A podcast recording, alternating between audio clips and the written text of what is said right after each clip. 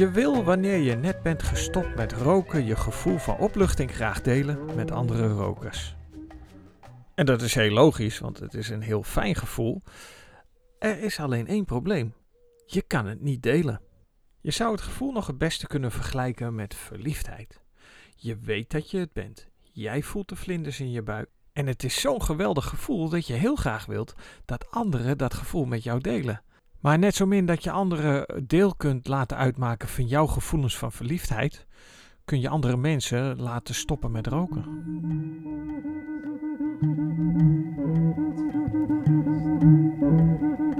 In deze aflevering aandacht daarvoor. Ik krijg regelmatig de vraag van nou ja, stoppers die uh, een geweldig gevoel hebben en zoiets hebben van nou het stoppen met roken was even een dingetje, moest ik moeite voor doen, maar uiteindelijk is het leven van een niet-roker geweldig en dat wil ik delen met anderen. Hé hey, Maarten, kun jij ervoor zorgen dat mijn vriend, mijn partner of mijn kind ook stopt met roken? En dan zeg ik uiteraard ja, dat kan ik niet. En er is een tijd geweest dat ik daar wel anders in stond. Dat ik dacht van, oh, dat, uh, dat lukt mij wel, dat doe ik wel eventjes. Ik werkte in de verslavingszorg. Ik zag mensen om mij heen uh, last hebben van hun tabaksverslaving. En uh, ben met ze in gesprek gegaan. Ik deelde mijn ervaring, ik deelde mijn enthousiasme. Ik behaalde hier en daar een succesje, dat mensen daadwerkelijk overgingen op het niet roken. maar over het algemeen had ik te maken met teleurstelling want het lukte mij niet.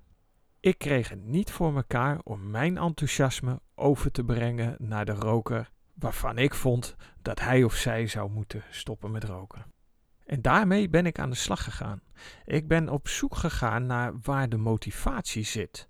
Hoe kan het nou dat sommige eh, stoppers succes hebben en gewoon hun, de rest van hun leven niet meer roken? En hoe kan het nou dat sommige mensen die echt gewoon doodziek zijn van het roken zelf, het maar niet lukt om te stoppen met roken. Die hele zoektocht die zal ik je besparen. Dat is een apart verhaal. Maar wat het mij wel heeft gebracht, wat het mij heeft opgeleverd, is dat ik voordat ik mijn dienstverlening start, mensen op weg help naar het leven van een niet-roker, drie vragen stel. En deze drie vragen zijn essentieel gebleken voor het behalen van succes om te leven als een niet-roker. In een andere aflevering licht ik ze wat, uh, wat uitgebreider toe, maar het komt erop neer dat ik de vraag stel: voel jij de noodzaak om te stoppen met roken? Kun jij de discipline opbrengen om jouw leven te veranderen? En neem jij alle verantwoordelijkheid voor de dingen die in jouw leven gebeuren? Drie eenvoudige vragen die je aanzetten om op zoek te gaan naar je innerlijke motivatie.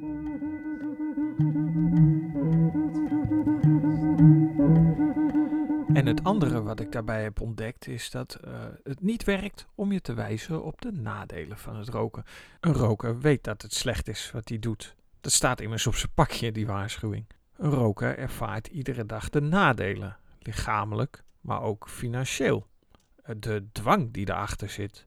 Nou, die dingen die, uh, hoef ik allemaal niet uit te leggen, want dat is wat je als roker ervaart.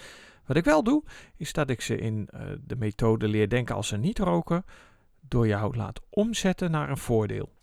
En het bewustwordingsproces van die voordelen versterken weer jouw innerlijke motivatie. Je draait als het ware de negatieve spiraal om. En naarmate de tijd verstrijkt, merk je dat je energieker in het leven staat, dat je zonder moeite kunt ontspannen en dat je concentratie niet meer afhankelijk is van het moment dat je moet roken of vlak nadat je hebt gerookt. Het systeem daarachter, hoe concentratie werkt in combinatie met roken, leg ik uit in Leer denken als een niet roken. Wil ik daar nou mee zeggen dat het helemaal geen zin heeft om mensen te wijzen op de voordelen van het niet roken? Of uh, jouw enthousiasme uh, uit te leggen aan rokers, aan jouw vrienden, aan jouw familie die nog dagelijks afhankelijk zijn van het roken? Nee, natuurlijk niet. Ik denk dat je je enthousiasme echt wel mag uitdragen. En dat je je gevoelens mag delen. Als iemand verliefd is, dan kun je die gevoelens best wel uiten naar anderen.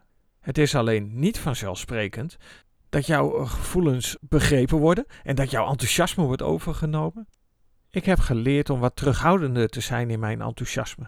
Wanneer er vragen komen of een discussie begint over het stoppen met roken, begin ik meestal met één vraag en dat is: zou je willen stoppen met roken?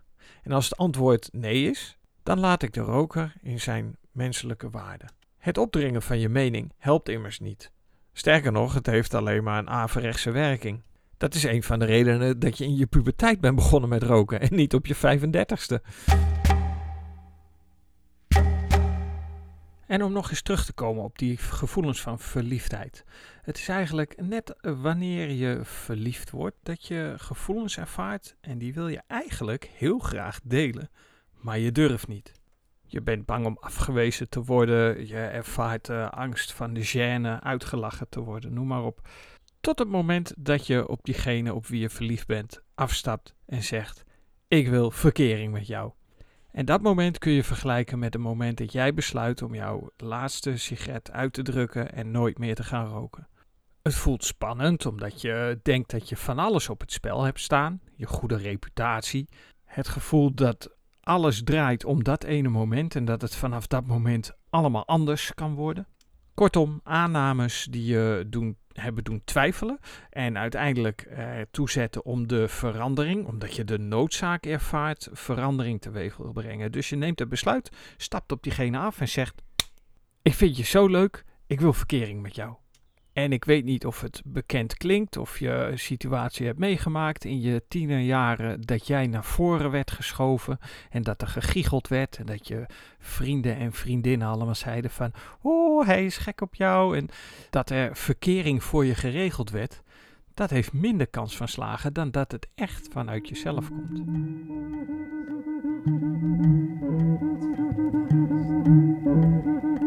Ik denk dat het wel duidelijk is hoe ik denk over uh, mensen uh, naar voren schuiven, motiveren om uh, iets goeds te doen met hun leven, te stoppen met roken in dit geval, dat dat niet werkt. Je mag ze natuurlijk, nee, attendeer die mensen maar gewoon op de podcast die ik maak. Als er een klik is, als mensen mijn stem aangenaam vinden om naar te luisteren, denken: oh, nou, wat hij vertelt, daar zit wel wat in, daar wil ik meer van weten, dan loopt het vanzelf. Het komt in ieder geval dan op dat moment uit de mensen zelf om het besluit te nemen om te stoppen met roken. Of in dit geval om een leven te gaan leiden van een niet-roker. Met deze gedachte sluit ik af. Uh, niet voordat ik jullie uh, hartelijk heb bedankt voor het luisteren naar deze aflevering van uh, Nieuwstoer Rookstop Buddy. Ik zou het te gek vinden om feedback te ontvangen. Er zijn zaken die uh, naar voren komen, zoals dit onderwerp is ook een ingezonden stuk door iemand die uh, mij dus de vraag stelde: kun jij mij helpen om mijn familielid van het roken af te helpen? Deze feedback doe ik wat mee, zoals je hebt gehoord. Ik gebruik jullie vragen om dus podcasts van te maken. Ik publiceer het op www.nieuwstoer.nl, Spotify, iTunes, noem maar op. Nogmaals, heel erg bedankt voor het luisteren en tot de volgende aflevering van Rookstop Buddy.